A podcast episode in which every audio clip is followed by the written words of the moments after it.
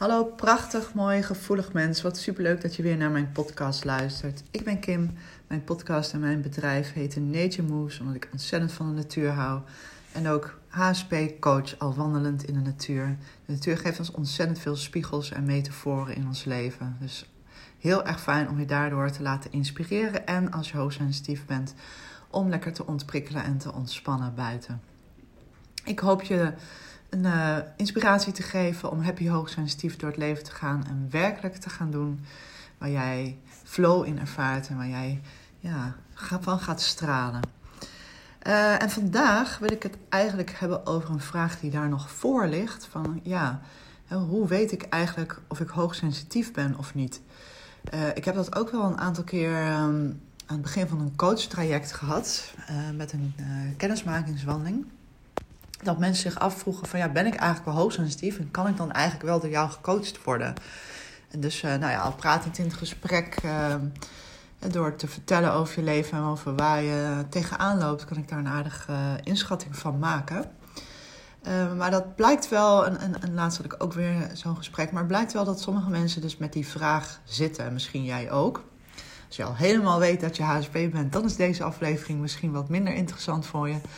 Uh, twijfel je nog? Of heb je mensen in je omgeving? Of misschien je kinderen waarvan je denkt, ja, zijn ze nou hoogsensitief of niet? Luister dan vooral verder. En uh, nou ja, ga ik het een en ander over vertellen. Uh, ik claim absoluut niet dat ik volledig ben. En ehm, ik weet ook niet of je het antwoord hebt aan het eind van de podcast. Maar ik hoop je in ieder geval iets meer informatie te geven. En nou ja, wellicht dat je er zelf mee verder kunt. Sowieso is het natuurlijk een goede manier uh, voor een eerste indruk, maar zeker niet leidend wat mij betreft, is een test invullen. Er zijn verschillende HSP-testjes op internet, onder andere op hoogsensitief.nl van de site van Esther Bergsma. Kun je een testje invullen en dan komt dan een score uit. Maar goed, ja, die testjes, ja, het is natuurlijk wel een eerste indruk. maar de meeste dingen die daarin staan, die weet je denk ik al wel. Anders zou je überhaupt de vraag niet hebben van, hè, ben ik nou eigenlijk hoogsensitief of niet? Um, dus ja, ik weet niet of dat je nou zo heel veel verder helpt. Uh, natuurlijk is het ook altijd een goed idee om uh, eens een keer nou ja, podcast te luisteren of een boek te lezen en te checken bij jezelf van oké, wat herken ik en, en wat voor mate herken ik het. Dat zijn natuurlijk hele mooie manieren om er um, meer over te leren. Uh, en ook gesprekken hebben helpt natuurlijk ontzettend. Want juist door gesprek te hebben kan iemand je spiegelen, kan iemand doorvragen. en juist dan kom je misschien op nieuwe inzichten of nieuwe, nieuwe informatie over jezelf die je nog niet wist. Soms zijn sommige dingen zo gewoon voor jou en zo vanzelfsprekend dat je ze zelf haast over het hoofd ziet. En een vriendin of een coach je dan kan helpen met: hé, maar is dit je al opgevallen eigenlijk? En uh, ik heb dat ook wel eens in een coachgesprek meegemaakt, dat het zo obvious is voor mensen en zo. Uh, ja, dat ze er helemaal niet aan denken. Dus uh, zeker ook ga erover praten met mensen. Ga erover praten. Ga feedback vragen van vrienden, vriendinnen of van een coach. Dat helpt ontzettend. Nou, even om te beginnen, toch nog wat kenmerken van hoogsensitief zijn. Ook hierin, ik ben absoluut niet volledig. Je kunt natuurlijk ook gewoon googlen.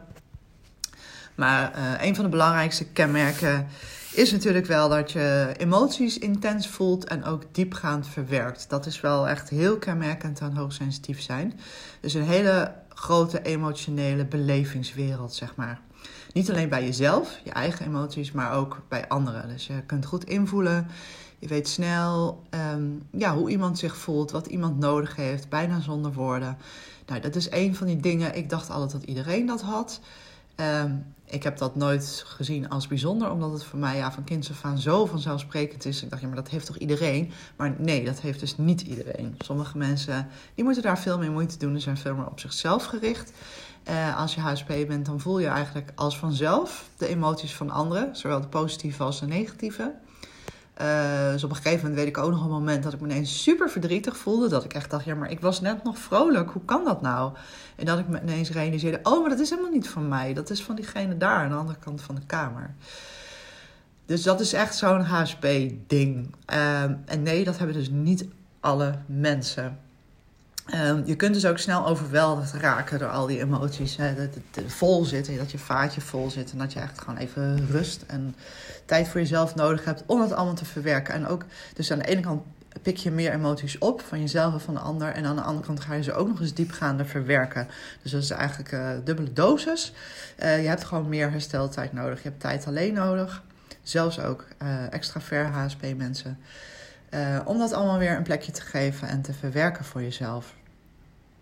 Nou, je bent naast emoties, ben je natuurlijk ook vaak gevoelig voor andere uh, prikkels. Denk aan licht, geluid, lepeltjes in je kleding, stemmingen in kamers, sferen van kamers. Um, misschien ook zelfs geuren.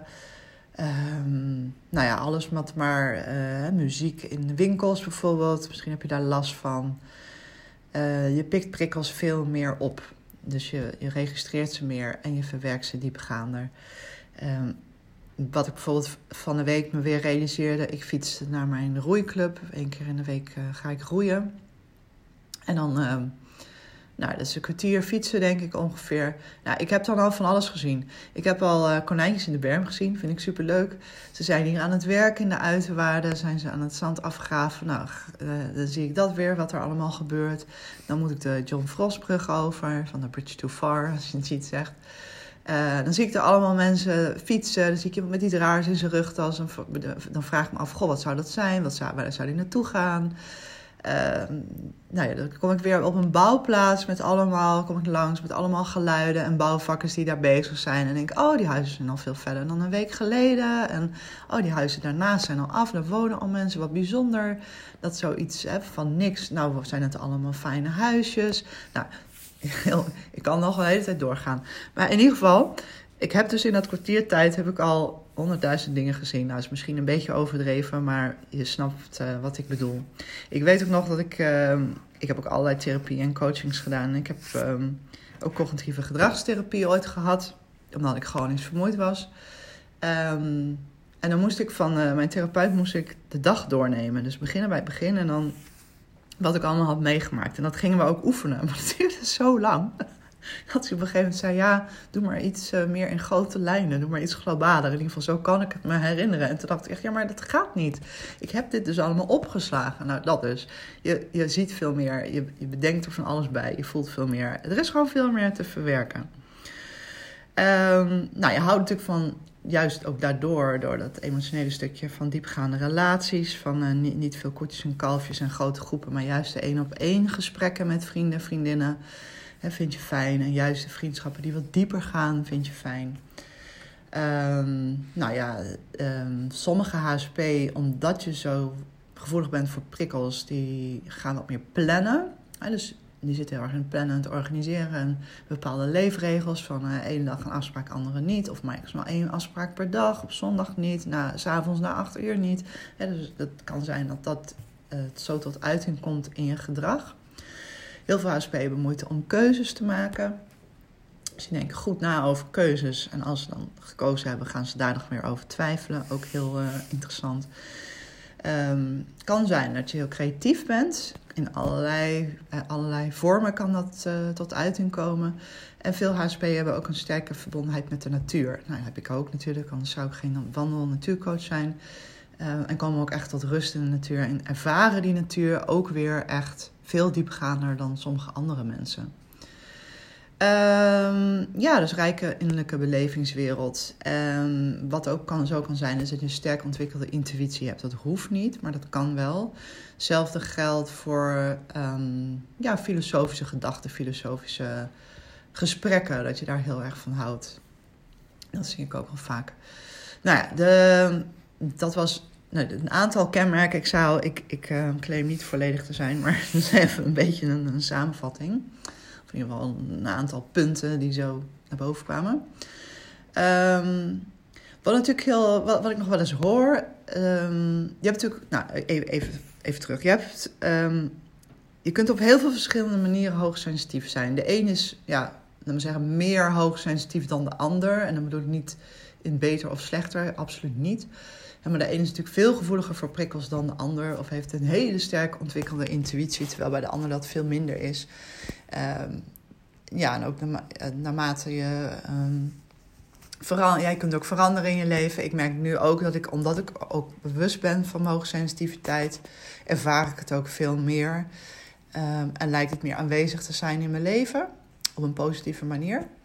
Dus ehm, ja, dus dat wil zeggen, de een heeft meer kenmerken dan de ander of sterkere kenmerken. Dus daar is het natuurlijk al een schaal in van ja, en in welke mate ben je eigenlijk hoogsensitief. Uh, je hebt natuurlijk uh, eh, HSP die um, hoe het, introvert zijn. Dat is een beetje het klassieke beeld wat men in, de, in het hoofd heeft bij HSP. Maar je hebt ook HSP die extravert zijn. Dan wordt het alweer wat ingewikkelder. Van, oh, je bent wel hoogsensitief, maar je bent ook naar buiten gericht. gericht en je hebt graag contact met, uh, met andere mensen. Daar krijg je energie van. Terwijl de introverte HSP, waar er meer van zijn ook die krijgen energie van tot rust komen. En je hebt ook nog de variant van de high sensation seeker, de HSS, die juist kicks en, adrenaline af en toe nodig hebben uh, om, het, om, om niet onderprikkeld te raken. Dus er zijn ook al heel veel verschillende types. Daar hebben nog weer allerlei variaties in. Uh, uh, en dit vertel ik om aan te geven van ja, weet je, er is niet één, één persona HSP. Zo is een HSP. Dat, dat kan je niet zo zeggen. Er zijn heel veel verschillende smaken en geuren en kleuren binnen de mensen die hoogsensitief zijn. Dus dat is goed om je te realiseren. Zeker de high sensation zieken en de extravert, zei ik net ook al, uh, worden in eerste instantie vaak niet als HSP gezien omdat ze aspecten hebben die niet in eerste instantie vaak met hoogsensitief zijn gelinkt worden. Zeker de high sensation seekers die vaak meer energie hebben. Uh, en ook echt um, veel verandering nodig hebben in hun leven. Ook echt af en toe een kick nodig hebben door nou ja, extreme, extremere sporten bijvoorbeeld. Of een snelle auto. Als je, ik, ik mijn vriend die bijvoorbeeld heel erg houdt van snelle auto's... terwijl die hartstikke hoogsensitief is. Of, of elke keer een nieuw, nieuwe job omdat je weer uitdaging zoekt. Dus ja, er wordt niet zozeer gelijk in verband gebracht met HSP... terwijl je dat dan wel kan zijn. En dus dat, uh, ik, ik ben zelf geen uh, sensation seeker expert, dus het is lastig om daar iets uh, erg veel over te vertellen, maar dat bestaat dus ook. En zeker als je in die categorie zit, is het soms best lastig om erachter te komen dat je hoogsensitief bent. en dan is weer, ja, in hoeverre heb jij een emotionele, grote emotionele belevingswereld en in hoeverre kun je ook um, empathisch invoelen bij de ander. Dus weet je snel wat de ander nodig heeft. Dus dat is wel echt een, uh, een belangrijk kenmerk.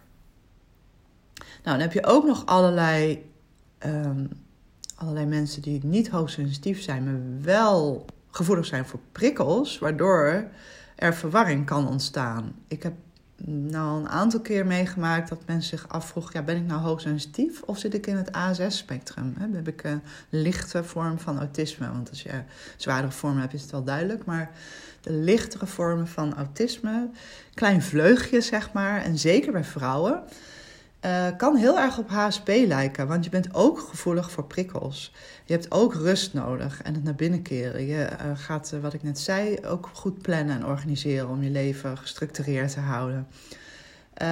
dus dat, dat kan heel erg op elkaar lijken.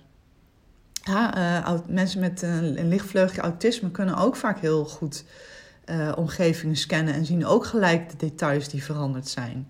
Die kunnen ook uh, heel gevoelig zijn voor prikkels zoals uh, geluid en licht. Net als HSP. Dus die, die sensorische verwerking, zeg maar, daar lopen we eigenlijk tegen hetzelfde aan. Oké, ik ben heel prikkelgevoelig, ik ben snel overprikkeld, ik heb rust nodig. Dat is eigenlijk hetzelfde. Um, even denken hoor.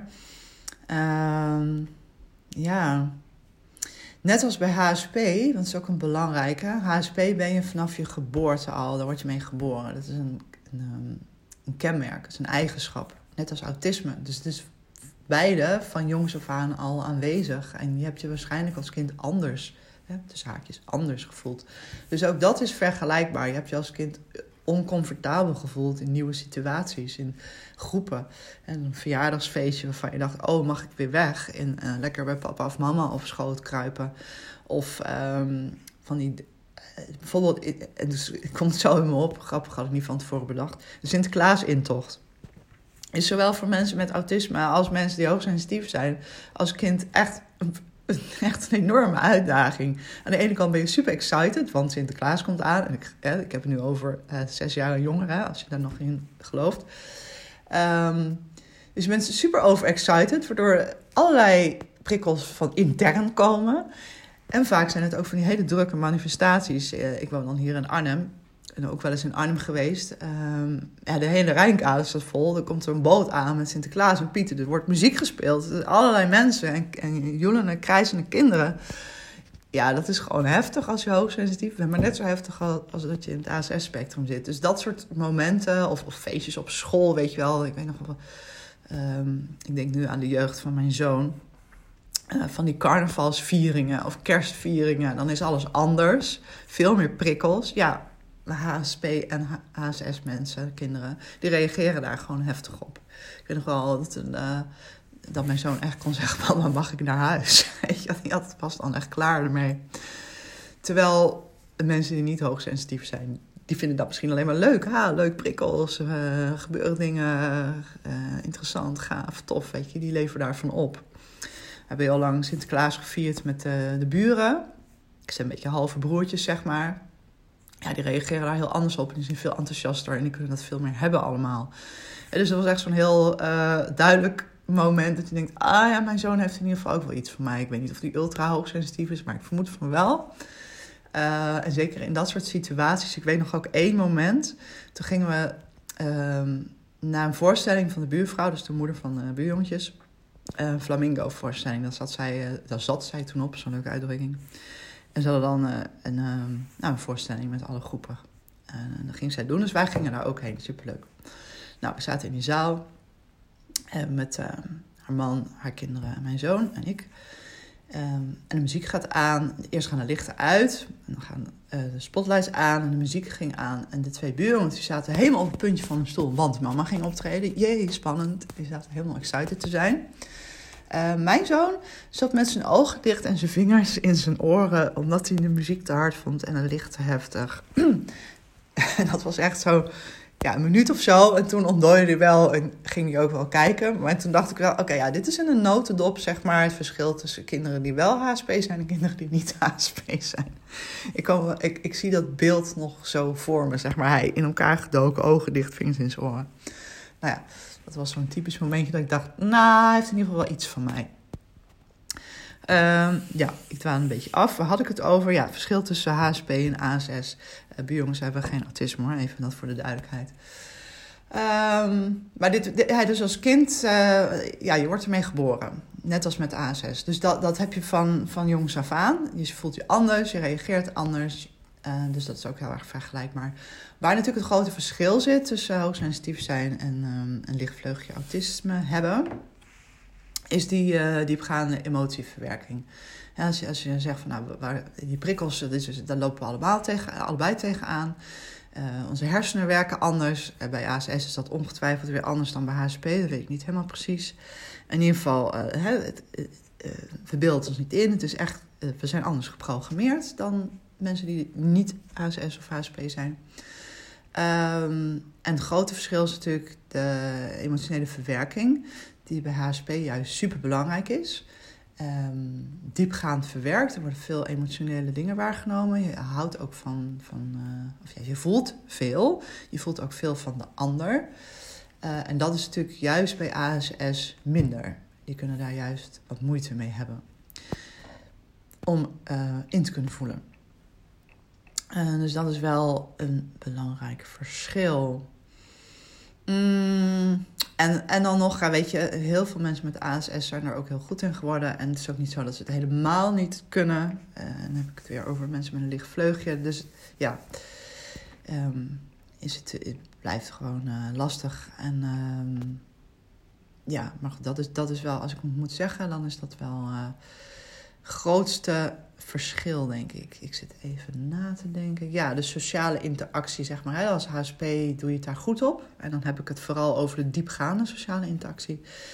Um, en mensen met autisme kunnen dat lastig vinden. En dus die raken daar gestrest van, bijvoorbeeld. Hoor ik wel. Um, ja, dan hebben we nog een andere uh, categorie die heel erg op uh, eh, HSP zijn kan lijken. En waar wel wat verwarring over kan ontstaan. Dat is namelijk hooggevoelig. Tijdelijk hooggevoelig zijn. En tijdelijk kan kort of lang zijn. Um, en overgevoelig ja, dat kun je bijvoorbeeld door trauma's uit het verleden kun je overgevoelig zijn voor prikkels of voor bepaalde situaties. Uh, maar ook bijvoorbeeld als je behoorlijk overwerkt of burn-out bent. Ook dan komt dat, die overprikkeling om de hoek kijken. Mensen die in een burn-out zitten, of bijna zitten, en dat zelf nog niet helemaal toe durven geven, die zijn er natuurlijk ook heel veel. Die kunnen ook super overgevoelig zijn voor prikkels, gewoon puur omdat een emmer vol zit. En dus ook daar zie je weer die overlap met die moeite hebben met prikkels en snel overprikkeld zijn, prikkels gaan vermijden, last hebben van muziek, licht, geluid, uh, te drukke agenda, brr, uh, dan stress schieten.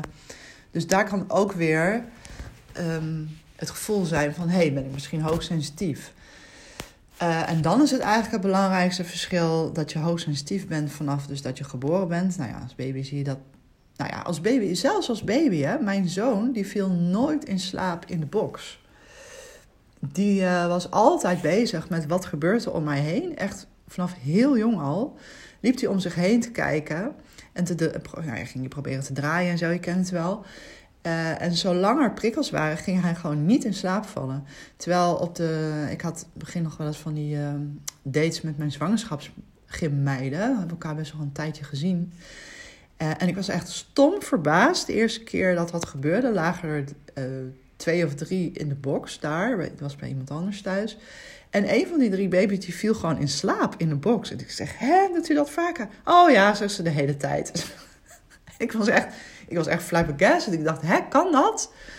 Nou, ik zeg, daar heb ik echt nog nooit meegemaakt. En volgens mij konden ze toen al rollen. Ik denk dat ze echt al op gemak al een half jaar waren of zo. Nou, ik wist niet wat ik zag. Ik dacht, ik, ik wist niet dat dat dat baby's dat deden. Nou ja, dat is dan weer zo'n zo'n voorbeeldje. En, en ook eentje van uh, uh, in de auto in slaap vallen. Deed mijn zoon ook nooit. Doet hij nog steeds niet. Want hij is nu uh, hij is net 15. maar ook toen hij jong was, ehm, dan reed ik, ik, ik weet nog over zo'n moment, hè, dan reed ik terug van een vriendin in Brabant. Het was best wel eindje rijden. Ik denk vijf kwartier of zo. Het was donker. Het was voor hem al bedtijd eigenlijk. En ik had expres de radio en muziek had ik niet aangezet. We dachten, kan niet in slaap vallen. En we reden gewoon op de snelweg. Dat is best wel een monotoom, rustig geluid. Nou, denk maar niet dat hij in slaap was gevallen. Het laatste uh, kwartier, twintig minuten of zo, heb ik op een gegeven moment wel de muziek aangezet. Omdat ik zelf een beetje moe begon te worden. En ik dacht, nou ja, hij slaapt nu niet. Kan hij maar beter dat laatste kwartier ook wakker blijven. Want dan kan hij straks in zijn bedje liggen. En maar hij heeft dus echt, echt zijn kamer, zijn rust, donker en stilte nodig. Ik moest ook echt niet gaan stofzuigen op de gang als hij net zijn middagslaapje ging doen. Want dat ging niet werken. Nou ja, dus dat, terwijl heel veel kinderen gaan in het donker in een stille auto. Niet, ik was alleen, dus uh, er werd niet gepraat, er was geen muziek. Uh, rond bedtijd, ja, die liggen binnen een kwartier te pitten, weet je. Nou, HSP-kids niet. Want die zijn gewoon bezig met, ik hoor van alles. Ik zie lichtjes langs de weg. Ik voel de auto rijden. Nou ja, dat. Dus, terug komen af en toe wat voorbeelden tussendoor. Maar ik hoop dat alleen maar de boel wat meer verduidelijkt kwam heel spontaan op elke keer.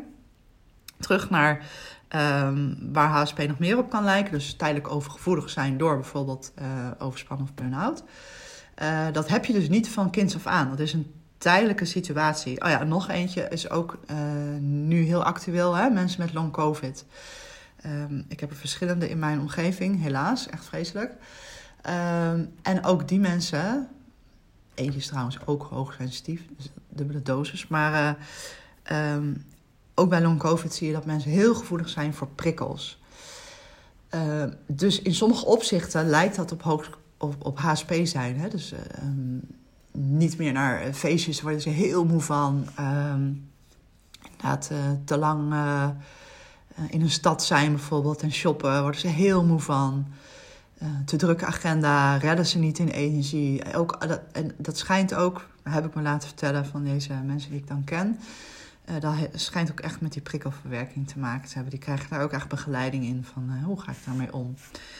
Dus ook mensen met long covid bijvoorbeeld um, zijn tijdelijk overgevoelig voor prikkels. Um, omdat hun zenuwstelsel, en dat is met burn-out ook zo, je zenuwstelsel is gewoon overbelast. Um, dus je bent eigenlijk constant in een alerte staat. Um, te weinig ontspannen, waardoor er maar iets hoeft te gebeuren en bam, je, je flight or fight systeem gaat aan. Uh, je bent constant alert. Je komt eigenlijk niet meer tot rust. Uh, waardoor elke prikkel eigenlijk harder binnenkomt. Dus ja, dat lijkt op HSP, maar dit is een tijdelijke situatie. Daar kun je weer van herstellen. Kan even duren. En van long-covid is natuurlijk heel veel nog onduidelijk, maar dan heb ik het over, over burn-out. Kun je van herstellen. Terwijl HSP, daar word je mee geboren en dat ben je. En dus dat heb je niet, dat ben je. Dat is eigenlijk in de notendop het verschil. Dat heb je niet, dat ben je. Het is een karaktereigenschap. Uh, burn-out zijn en long-covid hebben is geen karaktereigenschap. Dat is een tijdelijke situatie. Uh, met ook last van de prikkels. Uh, ja, dus dat is een hele heel duidelijk verschil. En je kunt dus voor jezelf, als je denkt, oh ja, maar nou weet ik het niet meer, want ja, ik heb het eigenlijk ook wel heel druk. Ja, wie heeft het niet druk tegenwoordig? Uh, dus ben ik nou hoogsensitief of ben ik overwerkt of misschien wel bijna burn-out? Ik weet het eigenlijk niet. Kijk, ik weet wel dat ik heel veel last van die prikkels heb, maar uh, dan kun je dus eigenlijk terugdenken van hoe was het voor jou als kind? Dus hoe uh, toen je klein was en als je het niet meer weet, misschien zijn, er, misschien zijn je ouders nog in leven of vrienden uit de periode dat je nog uh, jong was. En dus hoe reageerde je op uh, drukke situaties? Of wat ik net vertelde, bijvoorbeeld, viel je in slaap in de auto of niet? Nou, niet dat dat nou het onderscheidende kenmerk is. Het is natuurlijk het totaalplaatje. En voelde je emoties van anderen? Voelde je daar soms door overspoeld? Had je last van hè, mensen in de klas die heel negatief waren of die negatieve dingen over je zeiden? HSP-kinderen komt dat veel dieper binnen. Nou ja, dat soort dingetjes. Um, ja, dus HSP hebben eigenlijk van nature dat gevoelige zenuwstelsel. En mensen met een burn-out hebben dat tijdelijk. Dat is een reactie op de stress. Um, je bent allebei op zoek naar rust. Maar HSP is dat eigenlijk een soort natuurlijke beweging. Die je altijd al hebt gehad. Dus dat kun je ook weer even bedenken. Had ik als kind veel behoefte aan rust? Wilde ik af en toe lekker op mijn kamer zijn? Uh, mensen met burn-out hebben ook uh, behoefte aan rust. Maar HSP doen dat eigenlijk om de prikkels te verwerken. Uh, en mensen met burn-out, ja, die zijn zo overprikkeld. Dat vaatje zit zo vol. Uh, die voelen zich zo overweldigd en leeg. Dat ze daarom de rust opzoeken.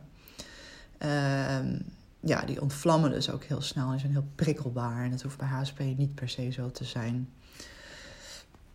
Um, ja, HSP komen ook ik heb dit wel een beetje voorbereid, dus ik zit een beetje te spieken af en toe.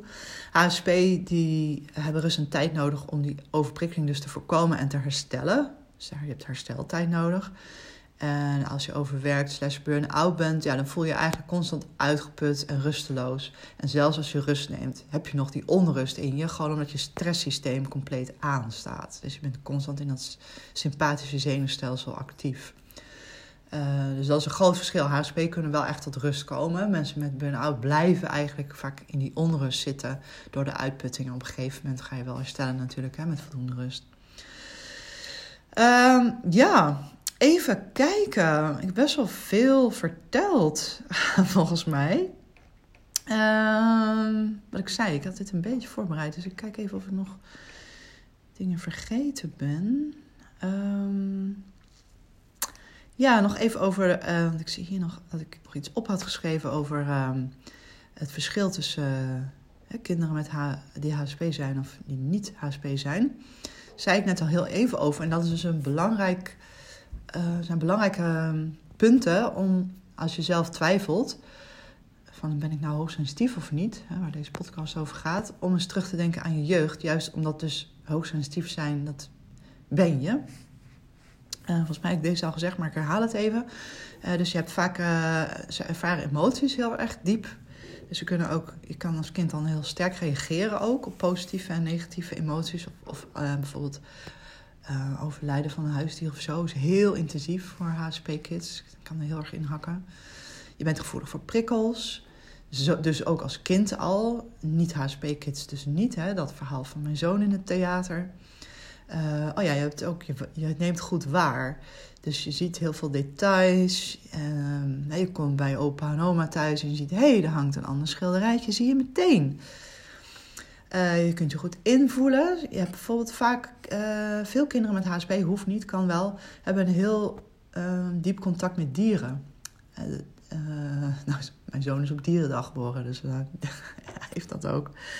Ehm, ja, dus trekken heel vaak ook naar huisdieren toe of andere dieren, omdat ze daar ook een stukje rust en geborgenheid vinden. Ze kunnen dus ook heel erg verdrietig worden als ze dieren zien lijden. Um, ja, als, kinderen, als kind ben je ook sneller overprikkeld. Denk aan schoolfeesten waar ze misschien huilend zelfs vandaan komen. Want uh, kinderen die echt goed overprikkeld zijn, uh, die kunnen echt gaan huilen om het gewoon kwijt te raken. Dus als je dat herkent van, oh, ik heb een lange dag gehad en mijn kind gaat huilen. Um, of je, kent dat nog van jezelf en vroeger. kan best zijn dat het komt omdat ze hoogsensitief zijn. Ja, op een gegeven moment raken alle kinderen overprikkeld natuurlijk. Hè? Ik bedoel, dat is het ook. Um, Even denken. Ja, speekkids vinden het fijn om in een rustige omgeving te zijn. dus ook in een kamer. Fijn als het opgeruimd is en rustig is. Ze zijn vaak als kind wat meer verlegen in nieuwe of onbekende situaties. Dat herken ik ook heel erg bij mijn zoon. Ja, van mezelf weet ik het niet meer van vroeger. Dat zou ik eigenlijk ook eens moeten vragen aan mijn moeder. Uh, maar ik weet van mijn zoon wel, als we naar verjaardagsfeestjes gingen, hij zat echt, nou ja, een half uur tot een uur zat hij bij mij of bij zijn vader op schoot. Voordat hij een keer met de andere kindjes ging spelen. Terwijl heel veel kinderen die binnenkwamen dat misschien vijf minuten deden. Even mama's benen hangen. En daarna gingen ze lekker, uh, gingen ze lekker aan de slag. Dus dat, de, vooral de nieuwe dingen. Ik kan, uh, kun je als haas, een kind met uh, die hoogsensitief is wat ja, meer tijd voor nodig hebben. Um, ja, en ze, zijn, ze hebben een rijke innerlijke wereld. Dus ze zijn ook wel vaak filosofisch ingesteld, zelfs al op jonge leeftijd. Dat herken ik ook heel erg. Ja, de vragen stellen. Um, um, ja, op school, maar ook thuis. Waarom zit dat dan en hoe zit dat dan? En echt doorvragen en dingen willen weten. En dan vooral niet alleen de feitjes, maar ook meer het filosofische stukje van het leven. Dus dat is ook wel eentje die je als eh, kind misschien kunt herinneren van jezelf of bij je eigen kind kunt uh, herkennen. Ja, nou, heel verhaal. Ik heb al gezegd aan het begin, ik claim echt niet volledig te zijn. En um, ga vooral zelf op onderzoek uit als je nog steeds de vraag hebt.